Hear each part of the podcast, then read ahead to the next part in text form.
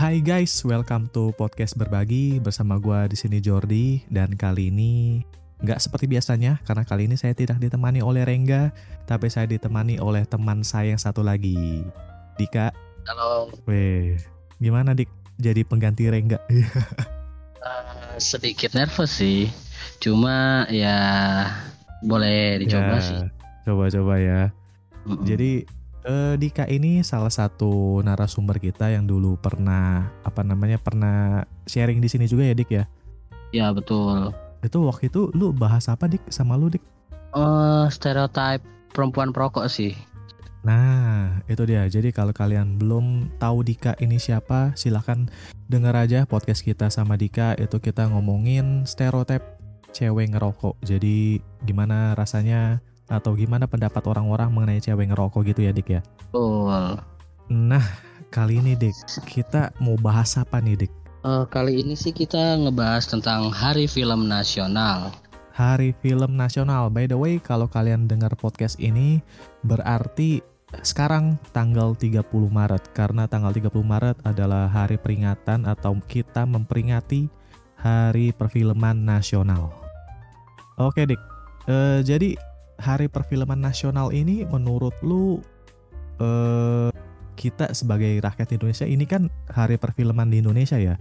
Ya. Lu tahu gak sih sebelumnya sebelumnya lu tahu gak tentang Hari Perfilman? Oh, Hari Perfilman itu yang setahu gua sih ya kayak acara festival-festival film Indonesia yang kita putar kita putar ulang di tanggal itunya di tanggal 30 Maret ini. Hmm, jadi oh, kalau gua sih gua gua aja baru tahu sebenarnya kalau lu nggak kasih tahu gua nggak tahu dik. Oke, karena kita mau ngebahas mengenai perfilman di Indonesia, khusus hari film di Indonesia ya, kita punya narasumber nih dik. Narasumbernya siapa ya? Nah, narasumber ini eh, salah satu kenalan saya. Kita kenal di mana ya dulu ya? Kalau nggak salah sih waktu itu saya lagi jalan ya, jalan di pinggir jalan tiba-tiba dia lagi minta-minta gitu kalau nggak salah. Maaf ya, itu bercanda ya. Jadi ini langsung aja kita panggilkan Natasha. Halo Natasha.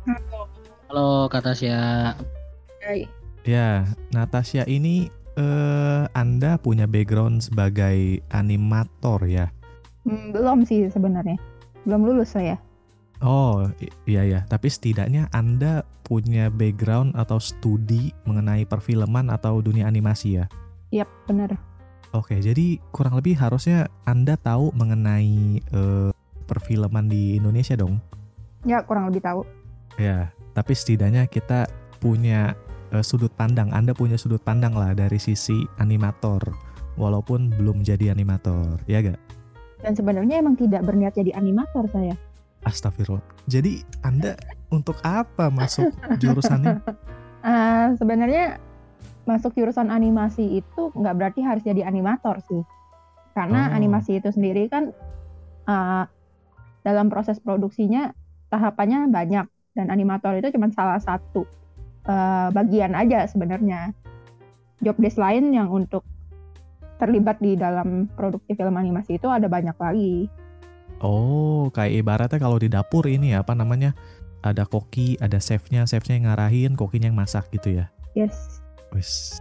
Ngomongin tentang film nih. eh kalau menurut Tasya sendiri gimana sih perkembangan film Indo? Uh, dalam hal ini perfilman itu kan sebenarnya dibagi jadi dua ya sebenarnya film yang emang live action yang syuting dan animasi gitu yang emang uh, kita kerjanya kalau nggak di studio ya di pakai PC aja gitu maksudnya nggak ada syuting tapi ada juga Hmm. penggabungan dua-duanya antara film live action sama animasi nah kalau Indonesia saat ini sebenarnya itu yang saat ini lagi maju-majunya itu film live actionnya sih. Hmm. Nah itu kelihatan kelihatan banget maksudnya sekarang uh, film-film Indonesia yang ditayangin di bioskop pun kan maksudnya kelihatan banget kualitasnya dibanding yang dulu tuh jauh kan. Hmm. Nah, nah itu baru berkembang sebenarnya berapa tahun terakhir ini aja. Sebelum sebelumnya ya kita kalau ke bioskop pasti non film nontonnya film-film barat, film-film intinya bukan Iya. film Indonesia lah, benar nggak? Nah, tapi betul, betul. sekarang ini film Indonesia juga nggak kalah bagus. Cuman untuk film-film yang pakai CGI dan segala macam Indonesia emang masih kurang. Jadi paling film Indonesia sekarang yang emang lagi berkembang itu kan kayak film-film romance, drama gitu kan. Tapi kalau film action yang emang harus menggunakan CGI kurang kan, maksudnya nggak belum ada, belum terlalu Hmm. apa ya, belum terlalu bisa diproduksi di sinilah intinya seperti itu. Hmm, iya iya iya iya. Eh, by the way, eh, Nat tadi lu bilang eh, mungkin lebih lagi bagusnya tuh di action ya. Live action bukan di action. Live ah bedanya apa tuh action sama live action? Live action itu film yang emang diperankan langsung oleh orang gitu ya manusia. Hmm. Kalau action itu sebenarnya lebih ke gan- apa lebih ke genrenya. Oh iya, saya saya paham, saya paham. Ternyata istilah perbedaan istilah sedikit artinya bisa beda ya. Iya. By the way, emang bener sih. Maksudnya eh, yang apa film-film Indo yang gua tahu yang pernah atau udah masuk ke Hollywood itu adalah film live action, terutama yang diperankan oleh Joe Taslim dan siapa satu lagi Iko Uwais ya. Hmm. Lu nonton gak dik? Apa tuh The Red ya? Eh, The Raid, eh, kalau nggak salah ada yang pemerannya yang jadi Mad Dog, gue juga lupa itu namanya siapa. Nah iya iya iya. itu sampai Hollywood men dan itu udah dapat apa namanya istilahnya apresiasi dari sutradara-sutradara luar negeri juga kan. Tapi yang disayangkan belum ada satupun apa namanya tuh eh, film kartun atau film animasi dari Indonesia yang sampai ke Hollywood. Bener gak Nat? Benar. Karena itu tadi gue bilang eh, dalam bidang animasi Indonesia belum begitu maju. Kan Tapi bukan Menarik. berarti Indonesia nggak bisa maju sebenarnya. Oh iya ya. Oke. Nah, menarik nih. Kan lu bilang eh apa namanya? dunia animasi di Indonesia masih kurang ya. Jadi eh menurut lu sebagai calon animator, eh bener kan calon animator kan Anda ya? Hmm. Menurut eh, Anda Natasha sebagai calon animator apa sih perlu istilahnya tuh em, dibenahi ya mungkin ya? Ada gak sih? Untuk di bidang animasi, sebenarnya Iya. itu lebih ke minat eh, animasi itu sebenarnya lebih ke minat sih maksudnya diawali dari hobi dulu pasti dunia perfilman itu semuanya pasti diawali dari hobi dulu gitu. Eh, Hmm. kayak gue sendiri kenapa gue mau masuk animasi? Karena dari awal hobi gue apa? Nonton anime terus menggambar gitu kan. Yang akhirnya gue punya mimpi untuk bikin cerita sendiri punya karakter sendiri dan akhirnya eh, waktu SMA itu gue memutuskan untuk ya udah gue mau kuliah di bidang animasi aja. Lebih ke situ. Kalau ta- tapi eh, untuk apa yang mau dibenahi sebenarnya ya tergantung dari minat eh, warga Indonesia sendiri ada nggak minat untuk eh, bergerak di bidang animasi? Kayak gitu sih. Sebenarnya kalau misalnya dibilang punya kok minat tapi mau belajar di mana? Animasi itu sebenarnya nggak harus kuliah loh. Hmm. sekarang tutorial tutorial untuk membuat animasi itu di YouTube pun sebenarnya ada kalau mau buat Hmm. animasi sendiri. Karena animasi Hmm. itu nggak harus kerja kayak orang syuting berkumpul kayak gitu. Kita bikin animasi sederhana sendiri sebenarnya bisa gitu Nah. Hmm, ya ya ya. Menurut lu nih, Tas, eh, lu kan bakal calon animator nih. Pasti nanti eh, siapa tahu eh, bisa ngerjain film juga. Nah, menurut lu itu eh, kerja di bidang perfilman itu menjanjikan atau enggak sih? menjanjikan banget kalau untuk sekarang kenapa karena bidang multimedia di zaman sekarang itu lagi sangat berkembang bukan karena ani- Hmm. eh, terutama animasi ya animasi itu bidangnya bukan cuman oh bikin film enggak kita juga bisa terlibat dalam pembuatan iklan pembuatan Hmm. game ataupun pembuatan film live action dan masih banyak lagi Nggak, bidangnya tuh maksudnya banyak gitu kita pun sebenarnya Iya ya. kerja di bidang desain grafis pun bisa. Kenapa? Karena eh, dasarnya sama. Semua dasarnya Hmm. sama. Jadi eh, peluang kita untuk bekerja di setelah lulus kuliah itu sebenarnya banyak. Tinggal kita minatnya mau ke mana atau misalnya nggak kerja bareng orang, kita bikin project sendiri. Bisa. Kayak gue sekarang lagi mulai project untuk bikin komik. Udah lagi progres di chapter 2. Nah itu komik kalau misalnya emang eh, laku pendapatannya juga nggak main-main gitu Hmm. Iya iya betul betul betul. Eh terus eh Nat kan apa namanya eh begini lah kita ngomong yang simple dulu nih. Em, film kita kan ngomongin film Indonesia ya.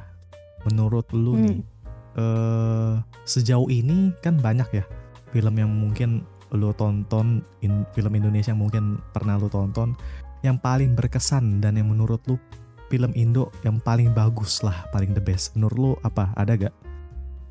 Kalau dibilang paling bagus sebenarnya susah sih untuk milih. Cuman menurut Hmm. gua yang paling sampai sekarang gua agak apa ya susah untuk intinya kayak melekat banget di gua yaitu salah satu film Indo itu nanti kita cerita tentang hari ini. Oh iya itu Kenapa? film legend sih. Ada beberapa alasan. Yang pertama emang dari segi cerita untuk ke gua itu cukup relate maksudnya eh, kehidupan sehari-hari masyarakat Indonesia itu emang tergambar di situ ngerti gak sih? Iya iya iya. Nah, dan yang kedua, kalau misalnya kalian perhatiin di bagian ending itu ada scene di mana si tokoh utama ini pergi untuk belajar di luar ya kalau nggak salah ya. Mm-mm. Terus nah, mereka ke bandara, benar? Eh, saya kurang tahu karena saya tidak tonton itu. Nah, Terus terus. terus. sebenarnya kalau misalnya diperhatiin, yang jadi bandara itu kampus saya. Serius? Yes. Yang jadi bandara itu kampus saya. Jadi saat nonton itu di bioskop, terus di scene terakhir, saya nggak berasa di bioskop, tapi lagi berasa di kampus. Oh gitu. Eh kalau nggak salah nanti kita cerita tentang hari ini itu yang main Smash Morgan Smash bukan? Yes, eh, bukan. Cowoknya, Oh, bukan ya? Itu mah Eknoid. Eknoid juga di Oh, UMN syutingnya. Oh, oh kampus anda UMN ya? Iya. Oh iya, Ya, saya menyebutkan ya, nggak apa-apa ya. Soalnya setahu gua, setahu gua eh, aktor yang paling sering apa tuh di film-film Indo tuh Morgan Smash itu paling sering soalnya. Jadi gua kira ada dia Oh juga. enggak dong, aktor Indonesia yang paling sering nongol tentu Reza Rahadian dong. Oh iya benar juga. Iya ya Reza Reza. Hmm, by the way sebenarnya gua pernah ketemu Reza Rahardian syuting bareng. Anda baru tahu Hmm. kan kalau saya ternyata pernah syuting.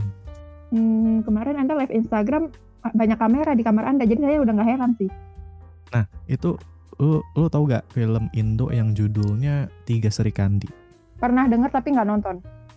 Itu yang main kalau nggak salah eh, filmnya bagus. Dia tentang apa namanya pemanah Indonesia ya yang pernah jadi juara sejarah itu bagus sih. Terus eh, tiga kenapa namanya tiga Serikandi karena memang eh, yang mewakili Indonesia tiga wanita yang apa namanya membanggakan atau mengharumkan bangsa lah ya. Nah di situ saya ikut syuting dengan iming-iming saya jadi peran utama dari teman saya ya. Dan ternyata pas disuruh datang, oh datang jam 5 subuh dari Jakarta ke Cibubur ya. Dan pas sampai sono jam 6 pagi subuh-subuh kita baru syuting, saya baru mulai syuting itu jam 2 siang atau jam 3 siang. Aduh. Dan ternyata Nah, kalau Itulah an- dunia Anda- perfilman. Anda tahu saya jadi apa di situ? Apa tuh? Jadi penonton bayaran ya. Aduh, Ya, udah capek-capek. udah, capek-capek nunggu, panas-panasan duduk, cuman harus apa namanya? ngibarin bendera merah putih gitu, angkat-angkat teriak-teriak. Iya iya iya gitu-gitu. Astagfirullah. Nah, kalau gua ya eh, film yang paling berkesan sih yang paling gue ingat ya itu sih Dilan Milea itu kayaknya legend ya. Gua nggak tahu lu pada Tahu nggak? Percaya nggak percaya? Gue belum nonton itu. Satu pun Yes, belum. sebenarnya ada ceritanya kenapa gue bisa nonton Dilan ya dan pastinya itu karena seseorang jadi nggak usah dibahas ya kita lanjut ke Oh, per- ya paham. ya, kita lanjut ke pertanyaan berikutnya ya eh yang lu suka dari hmm, gini gini genre favorit lu untuk film Indo lebih suka drama action atau horor Horor. horor Hmm. Eh, tapi fun fact gak sih kalau misalkan horor Indo yang dulu itu kebanyakan adegan-adegan Iya. dewasanya. Ya, iya iya iya iya. Apa tuh? Eh, Kita Itu juga salah aja. satu kemajuan loh. Salah satu kemajuan di bidang film Indonesia loh. Oh, justru bagi kami kaum pria itu suatu kemunduran. Hmm, kalau menurut gua sih nggak sih Mas Jor lebih ke arah dulu kan kita kayaknya masih kecil ya. Oh iya iya Eh, benar. film itu lebih ke arah hal yang seru untuk ditonton, iya nggak sih? Iya bener coy. Kayak wah ini seru nih buat mabar bareng-bareng tuh seru tuh. Gue dengerin kalian ngomong aja deh sambil makan. Astagfirullah. Kenapa? Kenapa? Emang nggak suka adegan dewasa? Mohon maaf nih, topiknya menyimpang nih. Topiknya Skip, menyimpang skip, nih. Saya saya diundang di ke sini untuk ngomongin film, Mas Bro. Gini gini gini. Soalnya Iya, soalnya tuh dari dulu kan ya kit- eh, film-film horor yang paling saya inget bintangnya tuh paling Dewi Persik, wah itu kan Julia Perez ya kan. Terus Betul. ada lagi apa dik yang paling Susana. legend ya? Iya yang Susana. paling Susana. legend Susana sih, tapi kalau itu Susana, nggak respect. dewasanya sih. Iya, gua gua suka sih film-filmnya Justru- Susana. Film-film Susana itu eh, apa ya? Banyak diapresiasi sama eh, orang-orang film sekarang gitu. Betul betul. Eh, Itu Horor, masterpiece film Indonesia pada zamannya gitu loh. Betul betul. Soalnya nih eh, pertanyaan ini ada ada kelanjutannya sama apa yang mau gua tanyain soalnya nih. Nah dari film-film horor yang ada adegan dewasanya itu, nah menurut lu nih Tas, eh kan lu sebagai animator nih, pasti nanti bakal ke bi- bisa jadi ke film juga kan? Mm-mm. Nah, menurut lo KPI itu udah menjalankan menjalankan tugasnya dengan baik atau belum sih? Itu sampai ada adegan dewasa yang ditonton sama anak kecil. Salah satu ya saya dulu. Nah, eh, menurut lo itu KPI sudah menjalankan tugasnya atau belum itu? Mohon. Gini gini gini gini. Anda nonton adegan itu saat masih kecil ya? Iya. Ya, Kok saya betul. enggak? Eh, Gini. balik lagi sih. Sebenarnya gini, untuk film itu sebenarnya ada yang namanya rating. Ah, atau peruntukan usia untuk eh, target mark target audiensnya tuh siapa gitu. Mm. Kali lagi kalau misalnya kok bisa sampai eh, anak kecil nonton hal-hal seperti itu, Oh, berarti kembali lagi ke gimana ada yang namanya eh, parents guidance. Jadi di Ah. dalam dunia perfilman itu ada itu. Nah, bagaimana eh, mungkin orang tua ya lebih ke arah orang tua gimana cara membimbing anaknya supaya nggak nonton seperti itu gitu karena ya sekali lagi eh, TV bukan hanya diuntuk diperuntukkan untuk anak-anak dan biasanya film-film seperti itu akan ada jam tayangnya. Bener nggak? Betul, betul, betul. Berarti saya tersalah satu termasuk anak yang lebih dulu Yang bandel dewasa dong mungkin. begitu ya. Eh eh, lebih cepat Gini. dewasa ya berarti gitu ya. mungkin mungkin ya mungkin kalau cewek-cewek mungkin nggak terlalu ini ya dik ya mungkin karena kita cowok-cowok dan ya biasanya cowok-cowok memang suka yang ada itu biasanya Ya ya berbau-bau dewasa. Iya, Tapi mungkin. gini, mohon maaf kalau masih bocah ya, kalau masih bocah, Hmm, kayaknya sama aja deh. Kecuali kalau lu udah ya puber gitu ya, baru bisa dibedain berdasarkan apa yang tadi Jordi ngomong.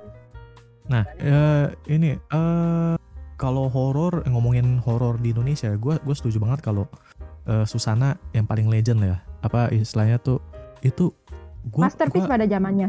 Iya, gue pernah nonton itu Susana ya. Gak bisa tidur coy. Gue film Susana yang paling gue inget Sundel Bolong itu legend banget sumpah. Ya betul. Bang, satenya Bang. 100 tusuk itu adegan memorable banget menurut gue.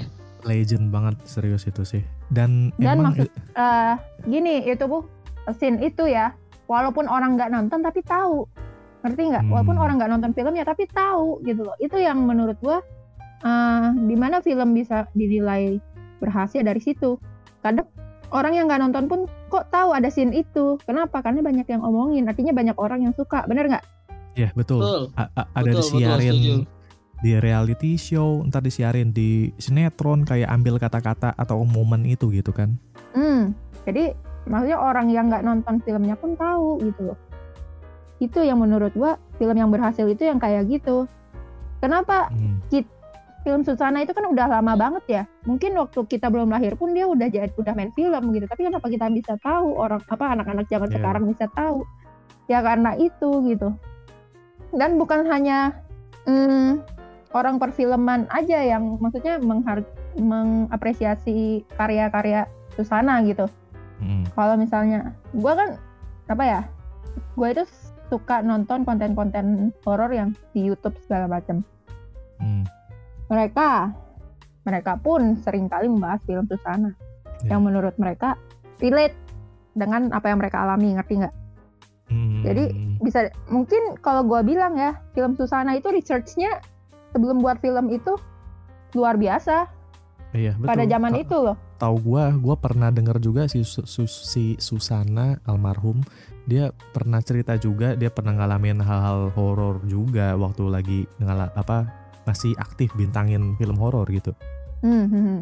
ya ya mungkin ya emang eh, selain dari pengalaman dan mungkin dari tim produksi saat itu juga melakukan researchnya itu nggak sembarang gitu loh Iya betul betul.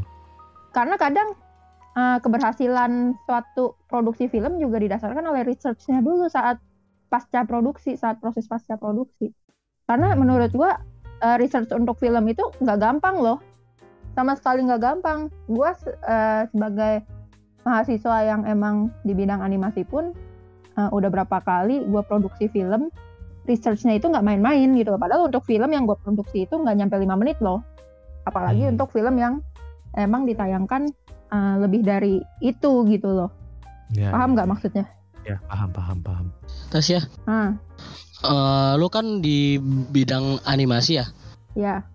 Eh, sebagai animator nanti itu kan produksi film atau animasi itu pernah nggak sih ketemu yang kayak eh, project gimana lu sampai burn out banget eh, pas momen-momen apa gitu yang bikin lu ngerasa kayak down banget gua ah nggak mau jadi animator gitu. Ada nggak sih sempat momen-momen kayak begitu? Eh, terus eh, untuk mengatasinya itu gimana? Ah, gua pernah merasa sampai salah jurusan waktu semester 5 sebenarnya. Karena gini, ah, bayangan gua waktu masuk mau masuk kuliah di animasi adalah gua akan meng- membuat cerita gua sendiri dengan karakter gua sendiri yang artinya maksudnya gue pengennya gambar aja gitu ngerti nggak sih Hmm. gue Oh, pengennya ngerti, itu ngerti. menggambar aja gitu nggak disangka saat masuk eh, kuliah di semester ketiga ada produksi animasi 3D yang sebenarnya sampai sekarang itu bukan bidang gua sama sekali tuh. Gua nggak mau tuh maksudnya musuhan banget lah intinya. Di animasi 3D itu.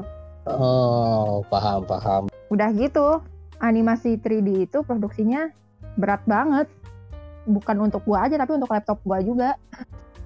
Paham paham. Eh, mau tanya nih eh, lo kan bakal calon animator ya kalau menurut lo Mm-mm. ada nggak sih eh, lo kepingin eh, pengenan buat gitu atau pengen saja jadi salah satu pelaku buat film Indonesia gitu kan kita eh, ngebahas masih film nasional nih festival film nasional dong pasti kan yang kita Mm-mm. bahas eh, tentang perfilman Indonesia nah ada nggak lo punya mimpi pengen itu jadi pelaku atau mm, ikut turut ikut serta dibuat film yang bakal muncul di Indonesia gitu. Jadi ini sebenarnya nyambung ke jawaban gue yang tadi ya walaupun gue nggak nggak pengen jadi animator tapi gue pengen punya cerita Hmm. sendiri karakter sendiri eh, yang akhirnya ntar diproduksi jadi animasi gitu. Gue gue lebih pengen berperan gue pengen bikin cerita yang orang orang-orang nih suka gitu. Orang-orang nih enjoy sama cerita gue jadi pada saat dibikin animasi pun itu akan menjadi sesuatu yang eh, apa ya sesuatu yang bisa dibanggakan lah gitu. Intinya ngerti nggak sih? Ini loh karya anak Indonesia tuh kayak gini. Hmm. Oh mantap. Mulia sekali ya cita-cita anda ya. Mantap mantap itu sebenarnya cita-cita umum sih. Maksudnya Oh. sorry tadi ngelanjutin ada pertanyaan yang soal gimana masa-masa gue burn out terus kayak pengen nyerah gitu. Ada satu masalah lagi sebenarnya. Bukan cuman soal animasi 3D doang tadi. Hmm.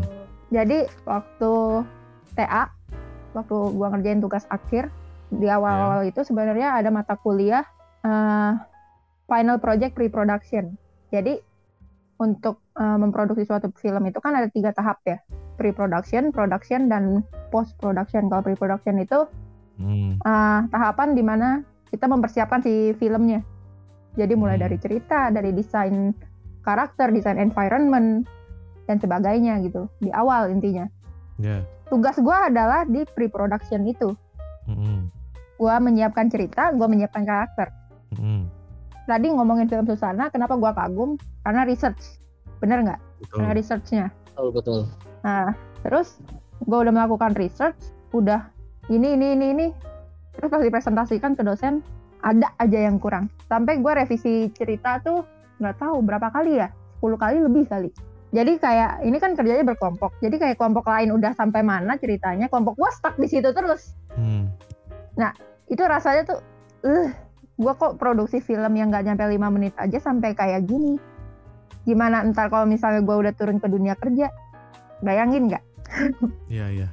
itu yang gue pikirkan saat itu burn out banget dan waktu gue merasa gue salah jurusan juga kayak gitu maksudnya pengen nyerah gitu pengen udah gue berhenti aja tapi ada hal yang emang membuat gue pengen apa balik lagi gitu nggak maksudnya terusin aja kuliahnya gitu sampai akhir yang pertama gue sadar uang kuliah gue bukan sesuatu hal yang murah gitu Nah, betul betul. Apalagi animasi kan emang biayanya tuh banyak banget kan? Hmm, mungkin sampai sekarang uang kuliah total uang yang udah dikeluarin untuk gua kuliah tuh udah 100 juta lebih gitu. Oh. Kalau misalnya gua nyerah, kalau misalnya gua nyerah di tengah, uang itu akan sia-sia gitu loh. Hmm. Dan untuk mendapatkan uang segitu banyak ya kita tahulah effort seberapa banyak yang diperlukan gitu kan. Ya ya ya ya. Dan yang kedua, karakter-karakter gua yang udah gua buat. Hmm. Karena gini, sebagai seorang eh, apa ya nyebutnya? Autor, sebagai seorang autor, saat lu membuat sebuah karakter, entah itu untuk novel, film, atau komik, mereka itu udah kayak Hmm. anak-anak buat kita gitu, ngerti nggak sih? Ya, kayak istilahnya tuh Mereka- udah punya hasil Mereka- ciptaan lah ya. Ah, mereka itu lahir karena gua gitu. Iya, Intinya iya. udah kayak gitu. Karena waktu itu gua udah punya karakter 10 lebih gitu ya. Gua mikir, kalau gua nggak lulus kuliah, gua nggak akan Hmm. bisa jadiin mereka apa-apa. Hmm. Mimpi gua nggak akan tercapai gitu. Makanya. Eh, saat itu gue pikir ya udah lanjutin lulus kuliah lulus kuliah sampai eh, sekarang gue tinggal satu semester lagi kalau misalnya emang semuanya lancar gue bisa lulus akhir tahun ini gitu sih Mantap, mantap, mantap. Kita doakan supaya Natasha bisa melanjutkan kuliahnya sampai benar-benar menjadi S sarjana apa? Kalau Sarjana apa tuh? sarjana seni sarjana SSN. seni ya, SSN ya. Kita doakan Sekolah ya. Standar Nasional. Sarjana seni Bambang tadi udah Oh. diomong Eh, sabar, sabar. Ini memang Dika kayak gitu anaknya. Oke, eh, thank you banget ya Natasha atas sharingnya, atas eh, opininya. Kita dapat eh, opini dari sisi animator, dari seorang yang akan menjadi sarjana seni. Mudah-mudahan, amin ya. Amin, amin, amin. Semoga skripsinya udah nyampe skripsi belum sih? skripsi udah kelar Oh, udah kelar. Semoga nggak lama-lama ya cutinya. Semoga dapat kerjaan yang cepat. amin Sip, thank you Natasha atas sharingnya. Kita semua dapat paradigma dan opini yang baru dari sisi animator. Dan sekali lagi kita sampaikan bahwa apa yang kita sharingkan di sini semua hanya opini dari sisi seorang animator dan dari sisi kami orang awam, saya dan Dika. Dan itu dia podcast kita pada kali ini untuk membahas mengenai perfilman di Indonesia. So, jangan lupa eh, follow Natasha di mana Nat? apa nih Instagram Boleh Instagram at Stefani Natasha I nya 2 double ya nanti kalian bisa cek aja di deskripsi lah ya. Hmm. By the way si Natasha punya ini ya, apa lu buka ini kan Nat ya? Apa buka jasa desain bagi yang mau digambarin ya? Open commission oh gitu itu lah ya. ada ah ada open commission infonya ada di art account gua Oke, gampang lah nanti bisa kalian kunjungin aja. Oke, thank you banget Natasha, Dika. Sampai ketemu lagi di podcast berikutnya. Bye-bye. Bye.